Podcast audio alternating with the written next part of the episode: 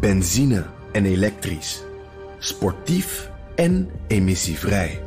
In een Audi plug-in hybride vindt u het allemaal. Ervaar de A6, Q5, Q7 en Q8 standaard met quattro vierwielaandrijving. Wat u ook zoekt, u vindt het in een Audi. Audi. Voorsprong door techniek.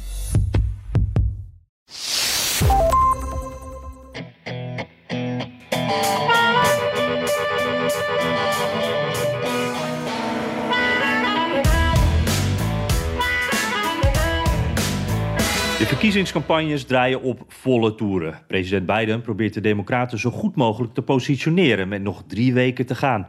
Eerst kwam hij met de belofte: als we winnen, zorg ik dat het recht op abortus in de wet wordt vastgelegd. Maar naast abortus is ook de economie belangrijk voor 8 november. Dus beloofde Biden ook nog eens de reserve olievoorraad aan te boren om de prijs bij de pomp in bedwang te houden. Politiek gemotiveerd, zegt u?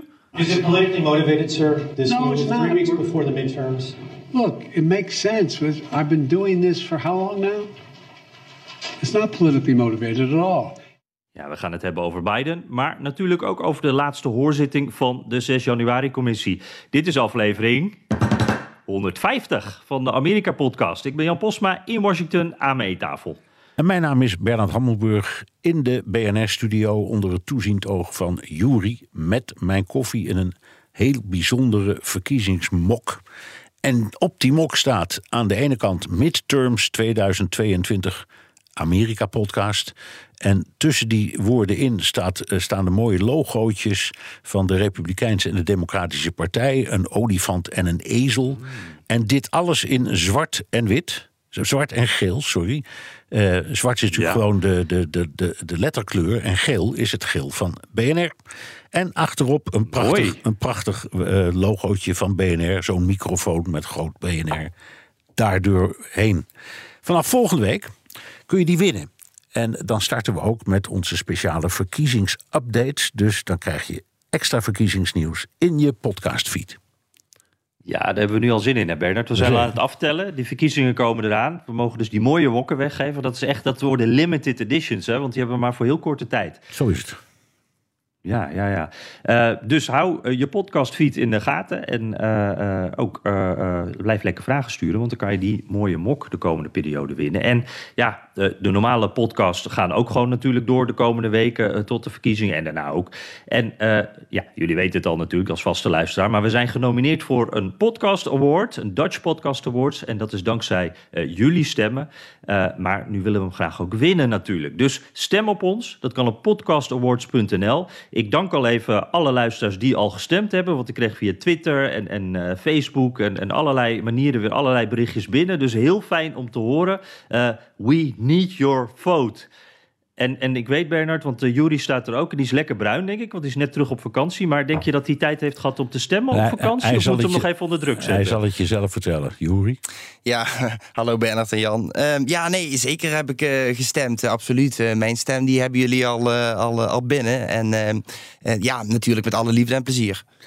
Ah, gelukkig, Juri. Nou, dan mag je deze uitzending ook blijven staan. Want eh, dat is wel een voorwaarde natuurlijk. We gaan alle technici keihard onder druk zetten. Nee, Precies, dankjewel, groot gelijk.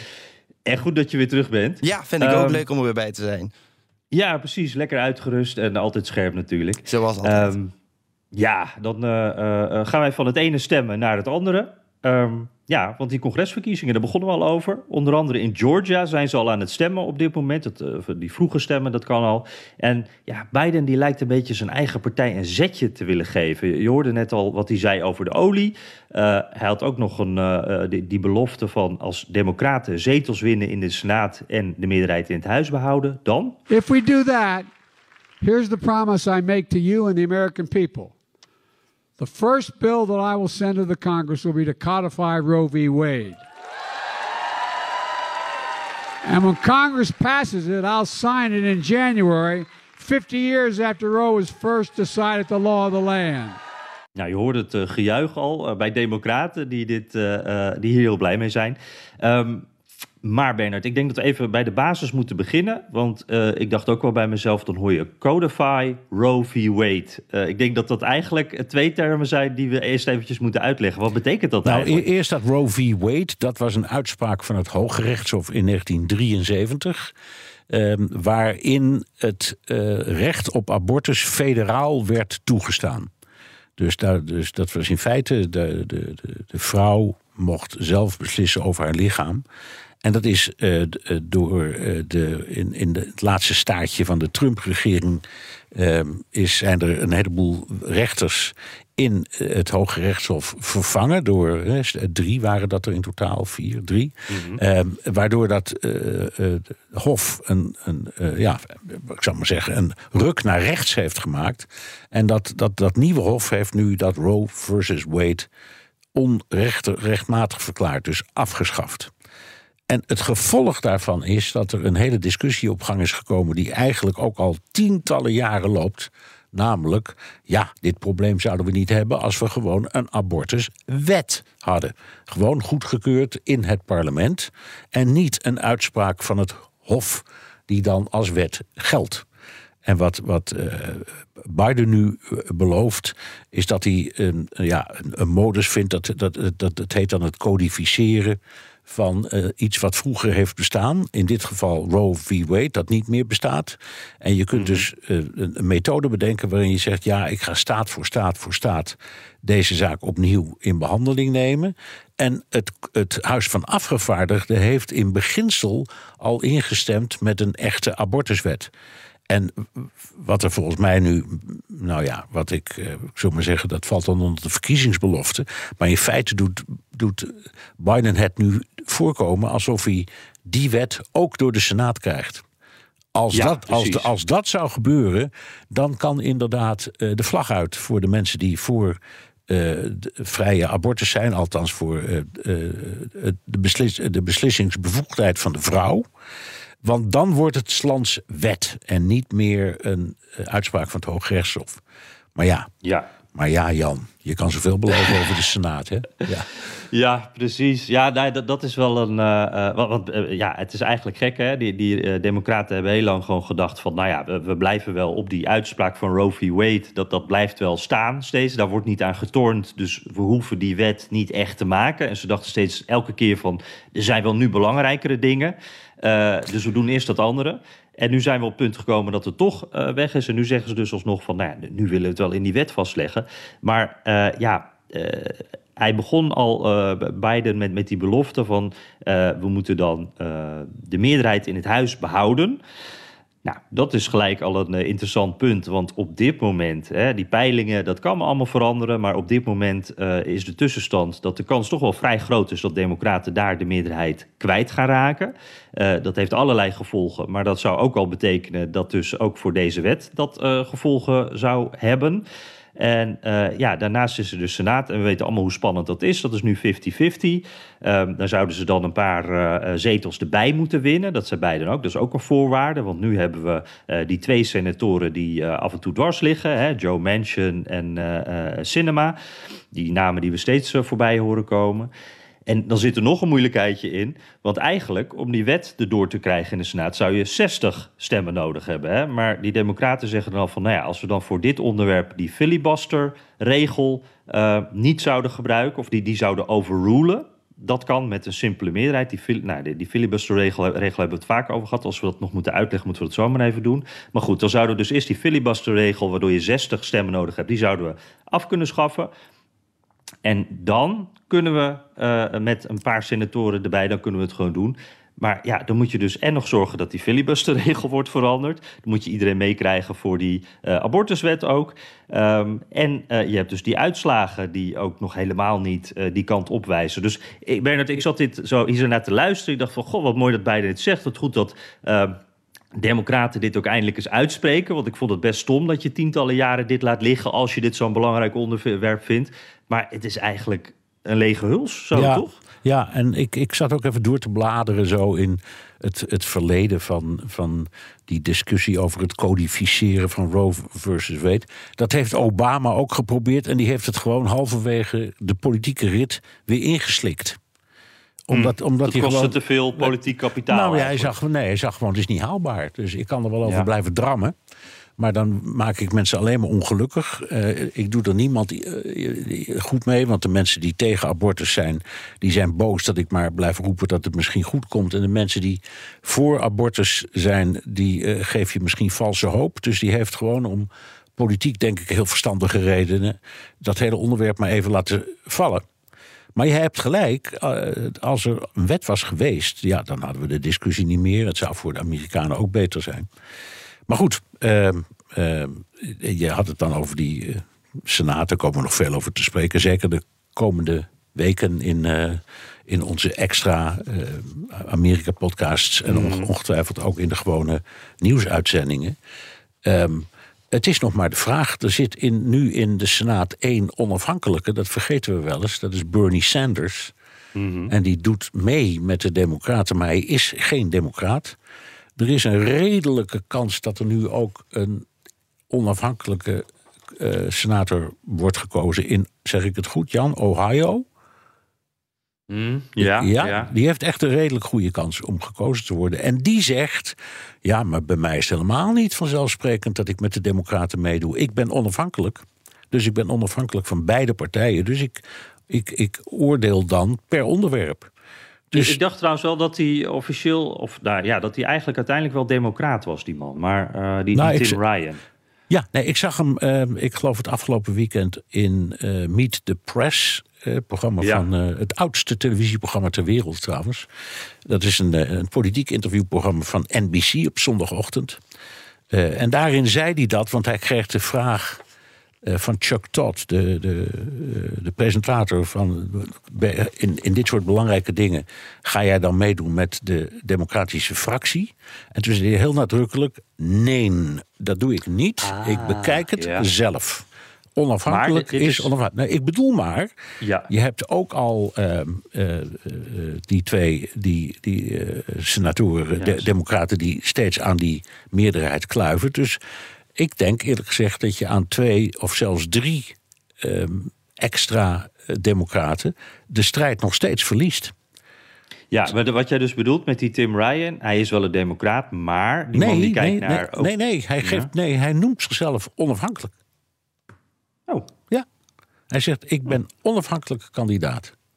nou, dat is wel, hij is wel lid van de Democratische Partij. Dat zou dus kunnen, is dat, wel, eh, dat, dat, kan, dat zou best kunnen. Maar hij, zegt, nee, hij wil dus niet Bernie Sanders achterna. Die ook maar al dat, 100 dat snap ik dan even niet, want hij gaat toch Bernie Sanders wel achterna als hij onafhankelijk eh, is. Jawel, maar, als, ja, maar de Bernie Sanders die is weliswaar onafhankelijk, maar die, zoals dat dan heet, he caucuses with the Democrats. Dus hij, hij beschouwt zich bij eh, de stemmingen als onderdeel uitmakend van de democratische fractie. Ja. Eh, en dat is natuurlijk een heel belangrijk verschil. En die Tim Ryan zegt in ieder geval dus op, het, eh, op zoiets als abortus. Dan kijkt hij ook naar zijn eigen achterban, waar ook ik wat conservatieven tussen zitten. Ja. Van nou, dit is iets waar niet de partij bepaalt, maar waar ik bepaal. Precies, dus hij, hij, is een van, hij zou dan een van de twee senatoren voor de staat Ohio worden. En vanuit die positie denkt hij: wat willen de kiezers in Ohio nou eigenlijk dat ik doe? En, ehm, en eh, nou ja, en, interessant, maar ik, wou- ik wou maar zeggen. eh, het wordt er nog een heel gedoetje hoor. Om die, in die Senaat een, misschien op papier wel een meerderheid te hebben. Maar om, om eentje te hebben die ook echt meestemt in dit soort dingen. De, op de manier zoals Biden dat wil. Ja, en, en ik hoor ook wel bij progressieve democraten die zeggen ook wel een beetje gefrustreerd van wacht nou eventjes, eh, om de twee jaar moeten we op die democraten stemmen. Eh, ze beloven altijd van alles en, en nu, nu is het ineens van oh ja, maar als je nu stemt, dan gaan we het in de wet vastleggen. Had dat dan eerder gedaan? Ja. Dat, eh, ja, dus dat gevoel is er al een beetje, dus het is ergens een gevaarlijke belofte ook wel van beide, want die, die kan eigenlijk bijna alleen maar tot teleurstelling leiden. Ja, dat vind ik ook. En het is ook. ik begrijp de formulering ook niet van dat, die belooftoon. Ik, ik zou altijd zeggen in die positie: ik ga mijn stinkende best doen om dat en dat voor elkaar te krijgen. Maar ik zou het nooit beloven. Dus dat Nou, is ik denk als, je, als we inderdaad de taal van hem een beetje terugkijken, dan, dan, dan eh, want hij zegt dan ook wel, dan zet ik mijn handtekening eronder, dan doe ik er alle, nou ja, ik ga er alles aan doen. Dat is een beetje de. Ja. Maar hij doet een beetje alsof het een transactie is. Als Ja, jij gaat eh, stemmen als democraat, dan krijg je dit terug. Ja. Nou. Denk je dat dat eh, wel gaat werken? Want het, het is wel een onderwerp natuurlijk waar democraten zich druk om maken, abortus. Gaan ze hiervoor naar de stembus voor deze belofte? Nou, ik weet niet of je die laatste peiling hebt gezien. Moet wel, want jij bent onze cijferfreak. Ehm, en ik weet ook niet meer waar ik hem zag. Een, op, misschien ook bij Meet the Press of misschien bij op een Voor van de wat kabels. eh, Amerikanen het belangrijkste vinden. Ja, en, en daar Ja. staat, daar staat ehm, eh, eh, eh, de economie gewoon bovenaan. Inflatie. Ja. Dat vinden Ja. ze aanmerkelijk belangrijker dan abortus. Eh, en, ge en geeft ze ongelijk. Want eh, ja, een, een dat raakt iedereen, hè? Precies, en het raakt iedereen elke dag. En ge- geconfronteerd worden met het vraagstuk van abortus, ja, dat is heel vreselijk als je dat overkomt. Maar het is niet een dagelijkse affaire voor de gemiddelde persoon. Hè, dat gebeurt misschien een keer of twee keer in je leven. En dan ga je door een dal en, zo, en weet ik wat. En dan moet je beslissen. En dan moet je kijken of het mag. Maar de, de, de, de economie is iets waar je dag in dag uit mee te maken hebt. Als je benzine in je auto wil doen. Als je naar de supermarkt gaat. En eh, dat, dat, net als in Europa is dat op het ogenblik in Amerika echt een enorm probleem. En eh, ja, nou ja, ik vind eerlijk gezegd dat op dat punt eh, Biden. eh, nou, niet, niet, niet de duidelijkste kandidaat is. Qua economie bedoel je, of Precies, qua alles. precies, ja. ja. En zoals je weet was ik eh, vorige week in, eh, in Kansas en in Missouri. En, en heb daar veel met mensen gesproken natuurlijk. En, en dat is echt een plek waar abortus enorm leeft. Waar mensen er enorm mee bezig zijn. Omdat in de ene staat is het verboden en in de andere staat niet. Dus dat is een gekke situatie. Eh, helemaal in Kansas City, wat precies daar zo op die grens ligt. Maar wat ik daar ook merkte, eh, hoewel eh, trouwens eh, heel veel mensen daar ook, heel veel meer mensen hebben zich geregistreerd om te, om te stemmen. Dat zijn ook echt veel vrouwen. Veel vrouwen die hierdoor echt gemotiveerd zijn om te gaan stemmen. Dus dat leeft echt wel. Maar die, die woede, die frustratie, die, die afgelopen zomer kwam toen die uitspraak van het Hoge Rechtshof kwam, waarmee dit recht ze eigenlijk werd afgenomen. Die woede die, die voel ik niet meer zo. En, en dan denk ik bij mezelf dus inderdaad van ja, dan, dan sta je eh, elke dag bij de benzinepomp en dan eh, eh, moet je heel veel betalen. En dan is dat eigenlijk je, je probleem van dit moment. Kan ik dat betalen? Wil ik dat betalen? Hoe ga ik dit aanpakken? En dan is abortus, hoe belangrijk je dat ook vindt, ook toch net even weer een beetje naar de achtergrond verschoven, denk Ja, ik. ja. Ik, ik blijf zeggen, het is, het is het, omdat het, als het mensen overkomt, is dat toch een uitzonderlijke situatie. Terwijl benzine, benzine kopen of boodschappen doen is een alledaagse situatie. Daar heb je veel meer mee te maken. En je ziet ook een soort van, eh, ja, dat zul je ook hebben gezien. Ehm, ik, ik las het, ik weet niet meer, in de Washington Post of New York Times. eh, Zo'n artikel waar het New York Times was, het, geloof ik. Waaruit uit blijkt dat Democraten en Republikeinen eigenlijk helemaal hun eigen onderwerpen aan het opbouwen zijn. En niet kijken Ja. naar de onderwerpen van de tegenstander. Hè, Ja. dus, dus dit is een prachtig voorbeeld. Democraten hebben het over abortus. En, en de Republikeinen hebben het over inflatie. En, Ja, en, precies. ja, en, en die voeren ook campagne op hun eigen onderwerpen, maar nooit op de onderwerpen van de andere partij. En dat, dat is volgens mij kortzichtig en gevaarlijk. Voor allebei trouwens hoor.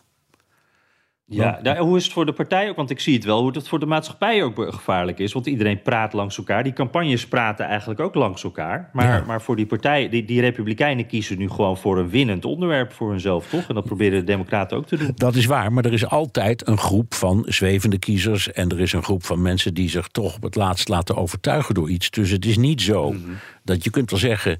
ehm, mensen, en zeker republikeinen, die vinden de economie belangrijker op dit moment dan het onderwerp abortus. Maar dat wil niet zeggen dat er toch niet re- republikeinen zijn die het wel belangrijk vinden. En andersom Ja. ook democraten die eh, eigenlijk het onderwerp ehm, eh, eh, economie belangrijker vinden dan abortus. En misschien dus wel zich laten overtuigen door democratische eh, argumenten. En die groep sluit je uit, allebei van weerskanten, als je zo helemaal in je eigen wereld campagne voert. Je, herhaalt tegenover je eigen volgelingen steeds hetzelfde verhaal. En je daagt Ja. de andere kant helemaal niet meer uit.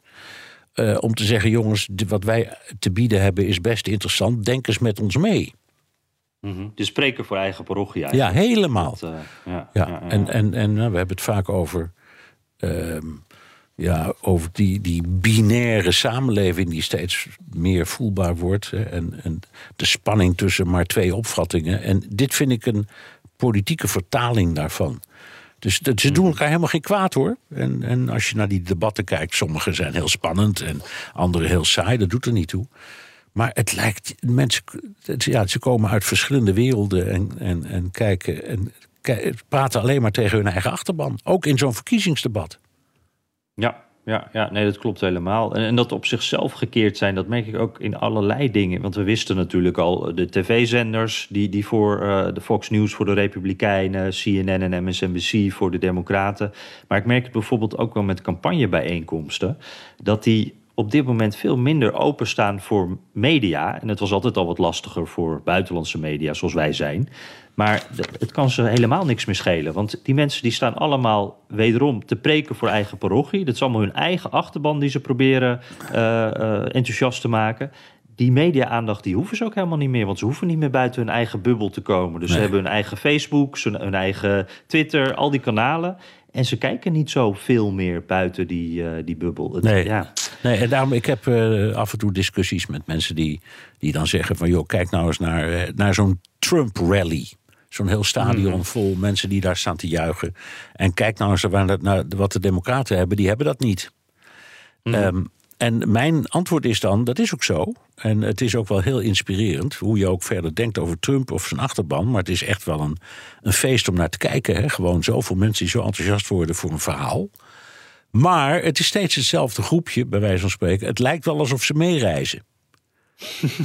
Dat, In dat, een, eh, dat is in een bepaald geval ook. Er zijn Ja, echt mensen die dus al- ze allemaal afgaan. ja, dat weet ik. Maar het, je hebt de indruk dat het. Dus eh, het, het, het Ja. is wel groot en overtuigend. Alleen het raakt helemaal niet de groep die niet hierin geïnteresseerd is. Dat bedoel ik.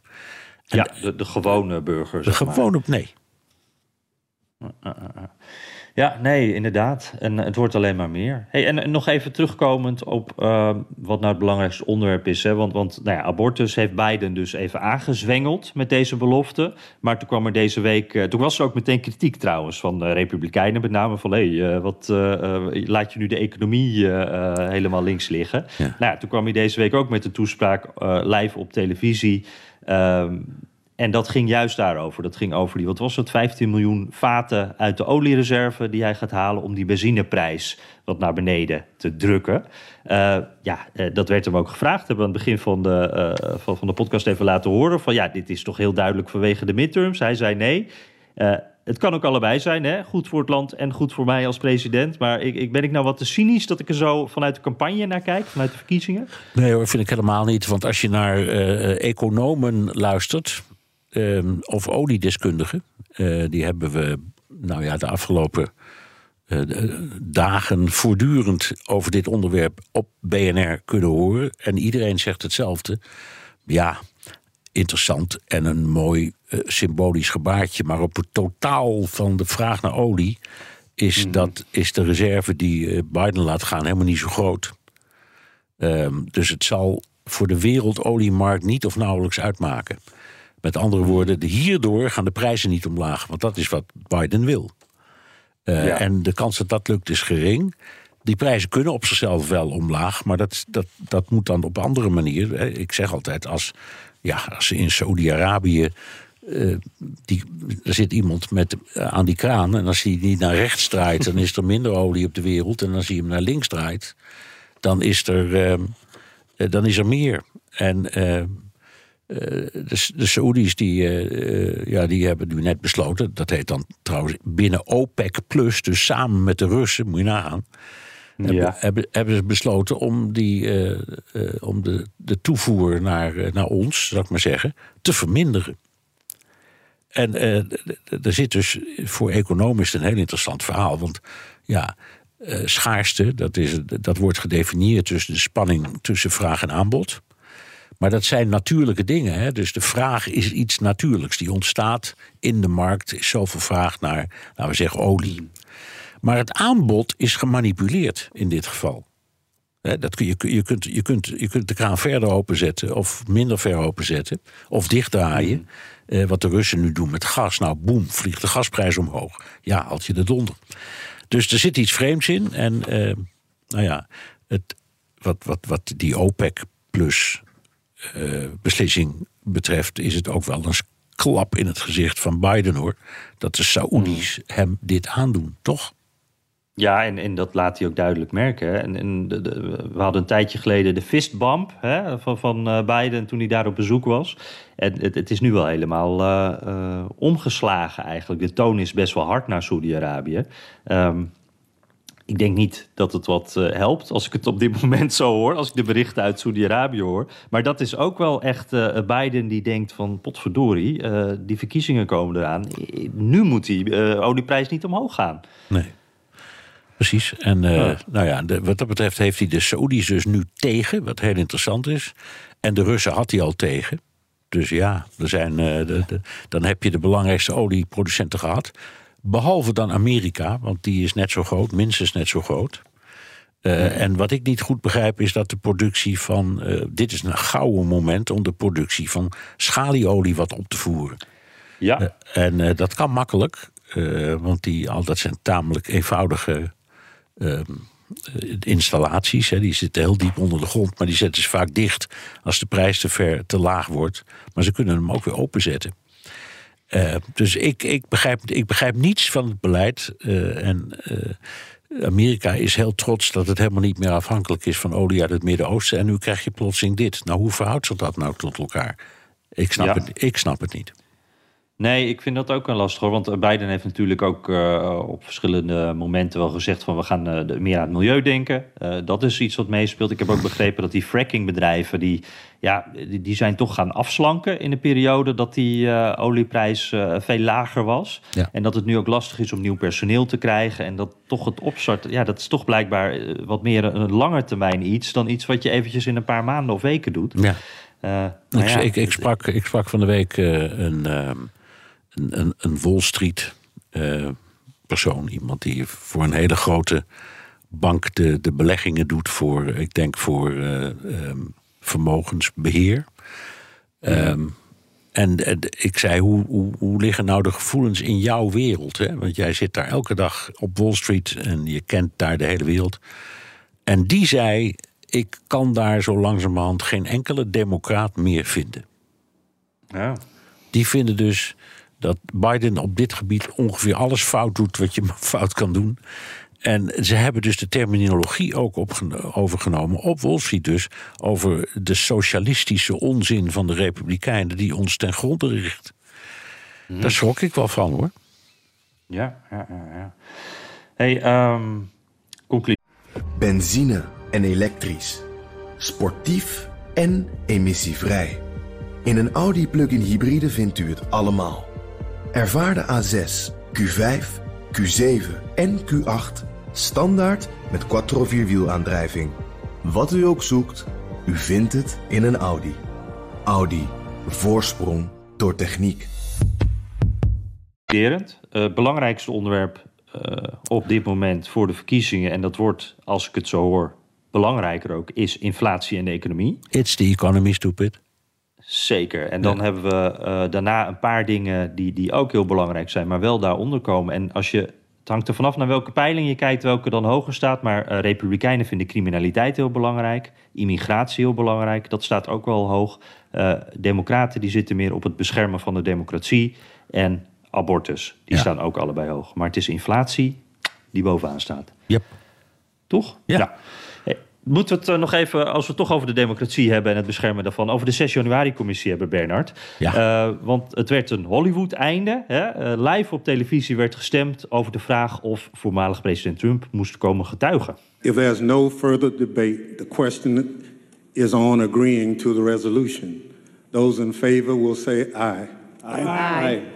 Those opposed is no.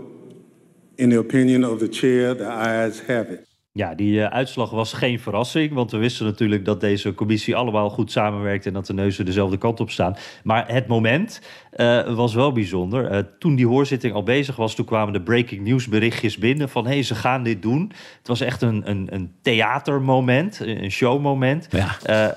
Maar praktisch gezien, Bernard, hij, gaat niet komen, toch? Die Nee, Trump? tuurlijk, tuurlijk gaat hij niet komen. Waarom zou die?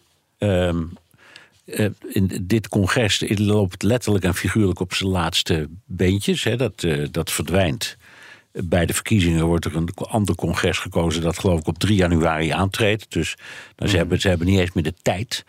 Ehm, het is ook krankzinnig ehm, dat ze die oproep aan Trump niet helemaal aan het begin hebben gedaan. toen ze met die hoorzittingen begonnen. En er helemaal mee tot het einde hebben gewacht als een soort van apotheose. Ja, het is een mooie stunt. Maar eh, zelfs Trump in zijn reactie, het eerste wat hij zei was: waarom hebben ze dat niet eerder gedaan? Nou, gelijk had hij. Dus hij gaat Hmm. Ja, niet, hij zeker, gaat- maar- maar- hij- het zou bovendien ook niet uitmaken. Maar- tegelijkertijd, ik snap het ook wel eh, dat ze het op deze manier doen. Want zij wisten, wij weten toch allemaal wel, ook als ze, het, als ze het aan het begin hadden gevraagd, had Trump ook op alle manieren mogelijk tegengewerkt, was hij ook niet gekomen. Dus nu hebben ze het eh, een soort ja, theatrale functie gegeven, een soort afrondende functie in, in al die hoorzittingen.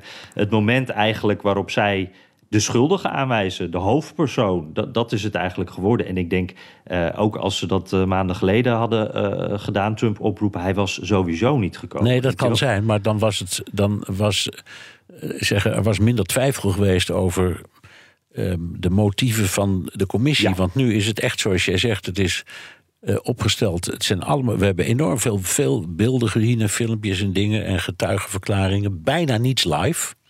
Heel veel opgenomen. Je had het over Hollywood. Dit waren allemaal Hollywood-montages ook. Ehm, en dan, eh, eh, ja, dan heeft ook zeggen, het effect van het vragen van die president helemaal aan het einde. Dat klinkt dan als een mooie apotheose als het een boek is of een film. Maar niet als het de politieke werkelijkheid is. Dan moet je toeslaan op het moment dat je sterk bent en het nog kunt. En nu kunnen Ja. ze niks meer. Nee, precies. Want even voor duidelijkheid, Trump die eh, eh, kan eh, eigenlijk gewoon weigeren. Die kan het erop aan laten nou, komen, de- dan kan hij naar de rechter stappen. Nee, het is, voor, formeel is het zo dat de commissie kan niets. Kan niets. De commissie moet ehm, de zaak voorleggen aan de plenaire vergadering in het Huis van Afgevaardigden. En die kan ervoor stemmen om aangifte te doen. ehm, wegens wat dan heet contempt of Congress. Dat is weigeren om mee te doen aan een. of eh, gehoord geven aan een oproep, oproeping. En dat is strafbaar. Maar dat, Dat is wat Steve Bannon nu overkomt. wat Steve, hè? Steve Bannon, de adviseur, eh, is overkomen. En die, ja, die, die is nu inmiddels veroordeeld en wacht nu op de strafmaat. Ja, en het probleem daarbij is voor de Democraten is dat je dat proces nog langer kan laten duren. En dat je dan uiteindelijk best wel snel al in januari zit. En, en dat eh, Trump dan waarschijnlijk helemaal niks meer te vrezen heeft hiervan. Want dan hebben de Republikeinen waarschijnlijk de meerderheid in het huis. En ja, dan maakt het allemaal niet meer uit. Toch? Nee, nee, en die beginnen onmiddellijk met een afzettingsprocedure tegen Biden. Dat, dat, dat ja, weet en, ik wel vrijwel zeker. onderzoek naar dit onderzoek, denk onderzoek ik. naar dit onderzoek, precies. Dus die draaien Ja, het om. Dus ja. geen seconde wachten. Ja, hey, en, en even concluderend over die laatste hoorzitting. Hè? Want je zei het al, het, verhaal werd wel duidelijk verteld. Maar wat voor mij wel wat miste is, ik, ik hoop, je hoopt toch altijd op schokkende nieuwe informatie. Dat zat er niet echt in. En wat ik uiteindelijk wel een beetje mis, is nog een soort laatste lijntje naar Trump. Eh, of, of naar die congresleden die dit hebben aangewakkerd. Allemaal die bestorming van het eh Capitool en alles wat daarvoor en daarna is gebeurd. Uh, die, die, stemming was wel een apotheose, maar ja, zelf gecreëerd. Het, het, het, miste eigenlijk. Eigenlijk hadden ze die laatste hoorzitting niet, bijna niet hoeven te doen, voor mijn nee, gevoel. Nee, nee, maar ze hadden natuurlijk al die prachtige beelden liggen. Bijvoorbeeld uh, beelden die niemand ooit had gezien. van wat zich achter de schermen heeft afgespeeld tussen, uh, met, met Pelosi en Schumer in de hoofdrol. concern we have about uh, personal harm, Safety. personal safety is it just transcends everything. But the fact is, on any given day, they're breaking the law in many different ways. And, and quite frankly, much of it at the instigation of the President of the United States. And now, uh, if, if, he could, could at least uh, somebody. Yeah, why don't you get the president to tell them to leave the Capitol, Mr. Attorney General, in your law enforcement responsibility? A public statement they should all leave. Ja, dat is echt een keihard momentje hè, waarin uh, dit, dit was tijdens uh, de bestorming of de bezetting van het Capitool. Uh, waarin dus uh, Pelosi zegt: het is krankzinnig dat, uh, dat de president niet ingrijpt. En, en Schumer, dus de, de, de fractievoorzitter van de, van de Democraten in de Senaat, heel snerend tegen de minister van Defensie zegt: hé, hey, waar is jouw actie? Justitie. Waar is justitie, vriend? Waar zijn ze? Ja. Ik zie ze niet. Ja. Die toon, hè? Ja. De, de, de, de der waarmee hij dat zegt. Mr. Attorney General. Daar zit echt zoveel frustratie en woede in. en, en terecht op dat moment, want ze, ze, ze liepen echt gevaar. Mhm. Ja, Ja, dat, dat was in ieder geval wel een, een momentje. Ik merkte dat ik daar in ieder geval eh, qua Hollywood-momenten... daar word je als kijker dan wel door gegrepen. Ja, dan word je weer even meegenomen. Ja. ah, was prachtig. Ja, En, en het pijnlijke hier natuurlijk, dit, dit is ook de reden waarom democraten dit graag laten zien. Want we zien twee democratische leiders die eh, aan het werk gaan, die, die gouverneurs bellen eh, om, om, om eh, de nationale garde te sturen. Die, die- er wordt zelfs ook met republikeinen overlegd. McConnell staat er ook bij en Steve Scalise, allerlei prominente republikeinen die daar ook onder gedoken zitten. Ja. En, en ze zijn zelfs militaire basis zijn ze aan het nagaan van, oh daar zitten nog militairen, daar kunnen we om hulp vragen. Ja. En uiteindelijk, wat ook Schumer hier zegt tegen die Rosen, die minister. eh, zeg het anders even tegen die president van ons. Die moet het eigenlijk doen. Ja. Maar die deed het niet. nee, en wat mij ook opviel is dat ehm, de, eh, deze twee eh, belangrijkste democraten het ook zo stellig en duidelijk opnamen voor de vicepresident Pence, die immers, waar het allemaal om was begonnen. Want die moest volgens eh, Trump ingrijpen in de verkiezingsuitslag. Maar die was ook slachtoffer. Die zat ook in dat gebouw opgesloten en wel. Eh, Ja. en, daar, en daar, je ziet in andere stukjes die ze hebben laten zien... het contact dat ze met hem hadden. Ehm, dus de partijbarrières waren compleet weg Ja, op ja, dat moment. precies. Helemaal niets. Daarbinnen. Iets waren ja, ze zaten daar samen, ze probeerden zich te redden. En, en, ja, en, en Trump zat 2,5 uur alleen maar naar de televisie te kijken. Het is wat. Ja, precies. Hey, eh, ten slotte nog even, dan kunnen we naar de luisteraars vragen. Nog even kort over de impact. Eh, Saturday Night Live, eh, dat per- persiflerende programma op zaterdagavond. Ik, ik vind het al de hele tijd, moet ik er niet om lachen. Maar ik moest er afgelopen zaterdag wel weer eventjes om lachen. Want toen persifleerden ze de commissie en toen lieten ze eigenlijk... De hele conclusie van dit geheel lieten ze samenvatten door Liz Cheney. Over the past few months, this bipartisan committee has presented our case to all Americans. Whether you're a Republican who's not watching or a Democrat who's nodding so hard your head is falling off. one person is responsible for this insurrection Donald Trump.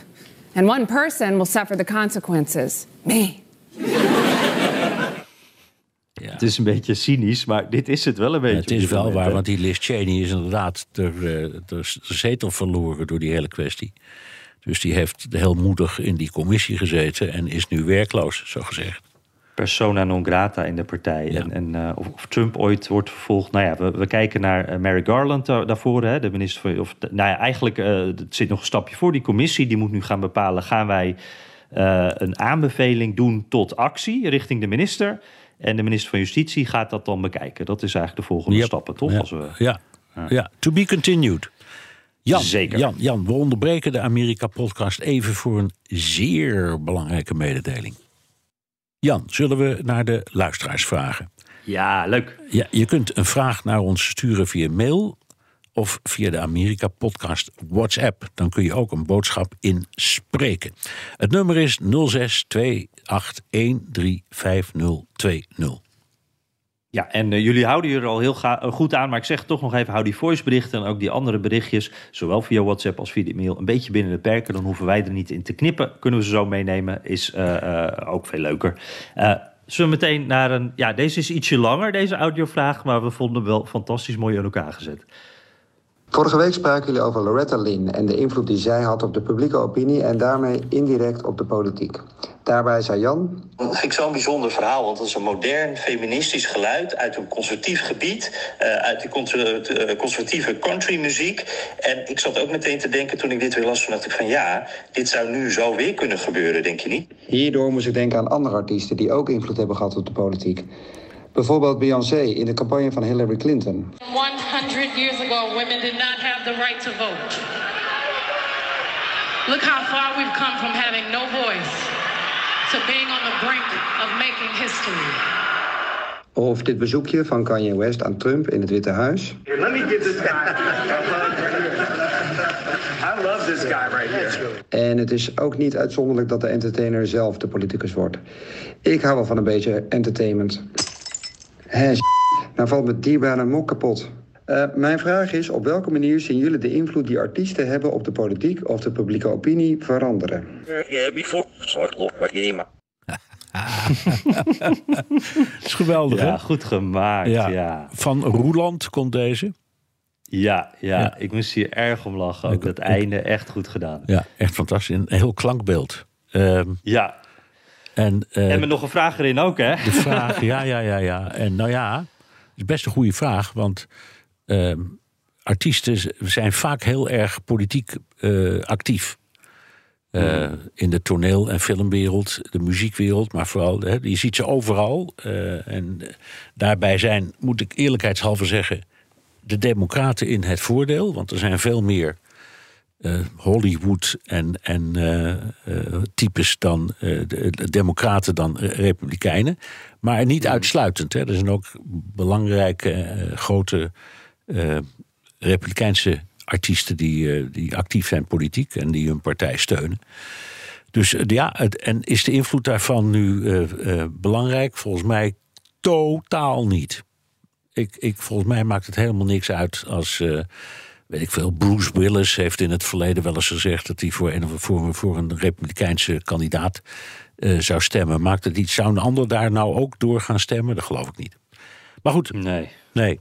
eh, Nee, ja, ik heb hetzelfde. Ja, er zijn misschien wel bepaalde artiesten die veel invloed hebben. Ik, ik, ja, waarbij dat misschien dat een, een Kanye West bijvoorbeeld, dat dat wel, als hij echt echte fans heeft, dat die toch wel naar hem luisteren. ja, denk je dat hij naar hem luistert als hij zegt je moet op eh, een republiek? Ja, dat weet ik niet. ik kan me niet voorstellen. Maar goed. wat ik me wel voor, voor kan stellen, Bernard... want het, er was een tijd waarin inderdaad echt alleen eh, maar de democratische eh, eh, artiesten te horen waren. Hè? Dan hoorde je Bruce Springsteen, die dan weer optrad voor Obama, dat soort dingen. En, en aan de republikeinse kant hoorde je dat niet zoveel. Die waren niet zo populair. Maar nu is zo iemand als, als Kanye West, die dan wat meer aan de Trump-kant staat... die maakt dat dan ook, denk ik, wel wat meer, wat makkelijker voor andere artiesten om zich uit te spreken. En misschien ook wel voor andere eh, republikeinen gewoon in het dagelijks leven. Om als jij een zwarte Amerikaan en republikein bent... dan denk ik dat er vaak toch wat gek wordt gereageerd. Van waarom is dat dan? Eh, en dat zo'n Kanye West daarbij kan helpen. Maar ja... Zelf heb ik eh, ongeveer 18 maanden met een oude Volkswagenbus eh, door 32 staten in Amerika mogen rijden. Met Nederlands kenteken wel te verstaan. En eh, nou, een absoluut plezier om al die mensen te mogen ontmoeten. Van rijke miljonairs met privémeren tot aan arme Amerikanen met wie ik sterren heb mogen kijken in Indian Reservations. Ehm, mijn vraag. eh, na mijn Amerika-reis ben ik nog een jaar door gaan trekken in eh, Mexico. En het valt mij nu op, de laatste tijd, op eh, verschillende reisblogs van mensen, is dat Amerikanen eigenlijk steeds minder hartelijk worden onthaald in Mexico. Vooral in Baja California en in het Yucatan-gebied lees ik steeds meer verhalen waarbij Amerikanen zich voordoen als Canadezen. Om eigenlijk op die manier hun Amerikaanse identiteit te verhullen. Omdat ze eigenlijk anders steeds meer te maken krijgen met, met oplichting. Ehm, dus ik vroeg me af of jullie dat herkennen, of dat beeld ook gedeeld wordt eh, in eh, Amerika en of mensen daar ook bekend mee zijn. Dit was een vraag van eh, Bram van Leeuwen.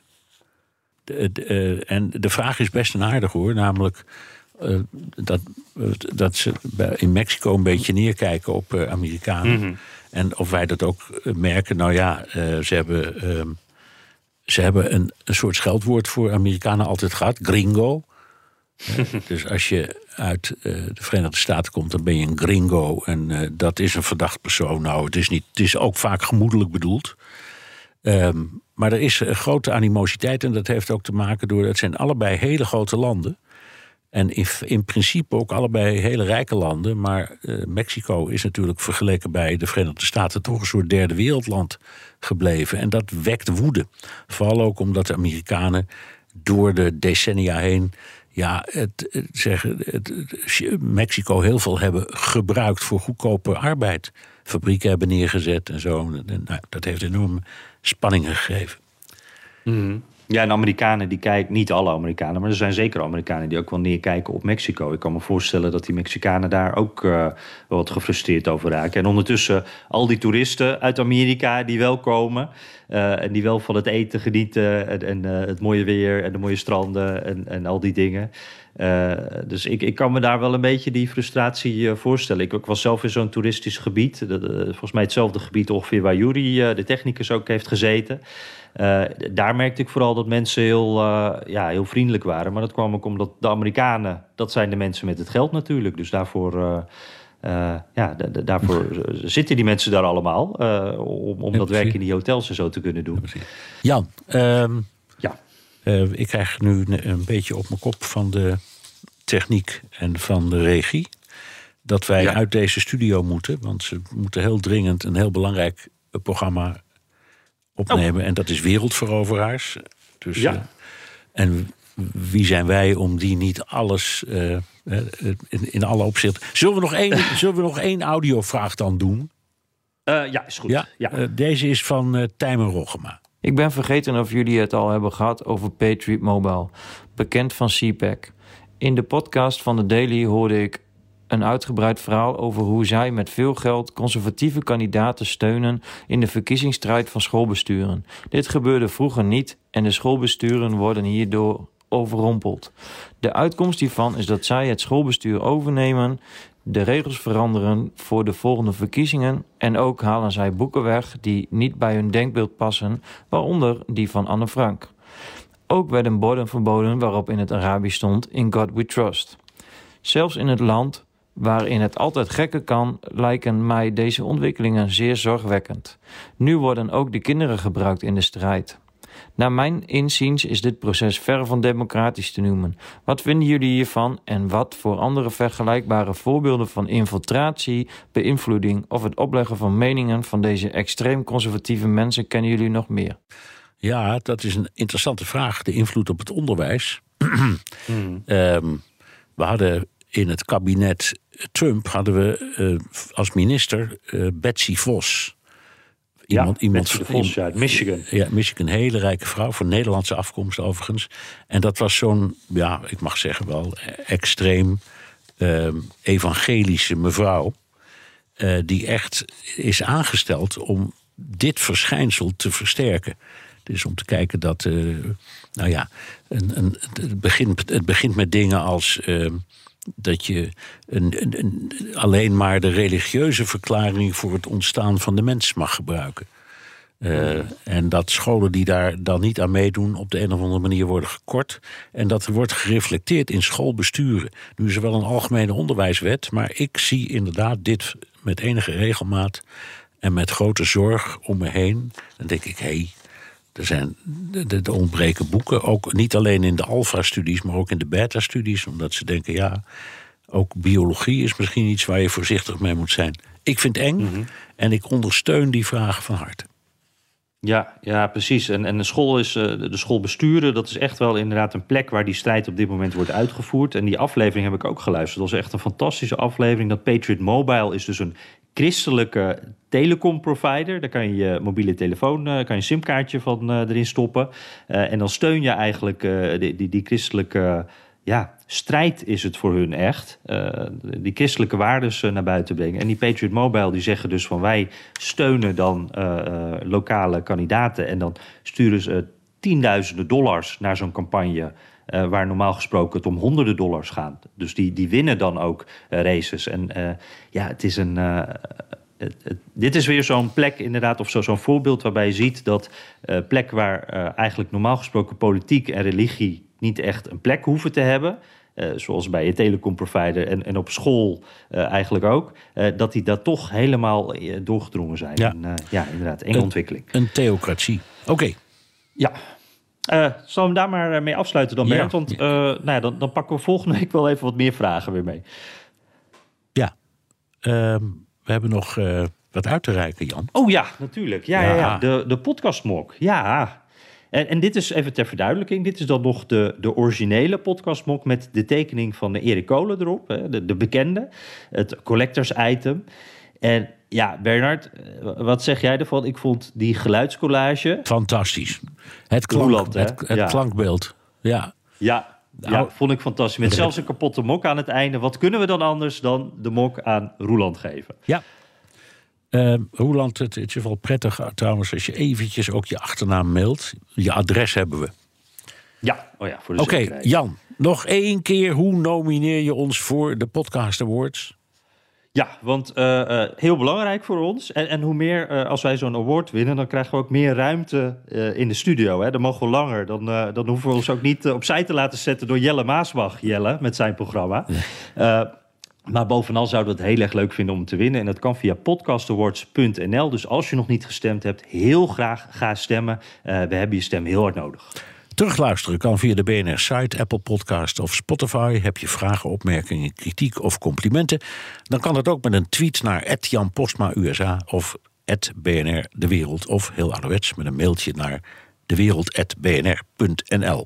En je kunt je vraag ook inspreken of intikken op de Amerika Podcast WhatsApp 06 28 13 En welk platform je ook kiest, zet behalve je naam ook je adres in de tekst.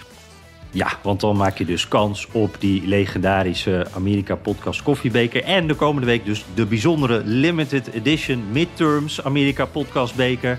Uh, ja, wij gaan elkaar de komende weken veel meer spreken, Bernard. Uh, ik heb er zin in. Ik ook.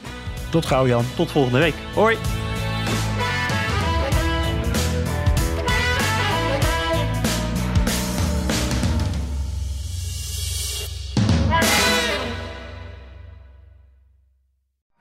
Benzine en elektrisch. Sportief en emissievrij. In een Audi plug-in hybride vindt u het allemaal. Ervaar de A6, Q5, Q7 en Q8 standaard met quattro vierwielaandrijving. Wat u ook zoekt, u vindt het in een Audi. Audi. Voorsprong door techniek.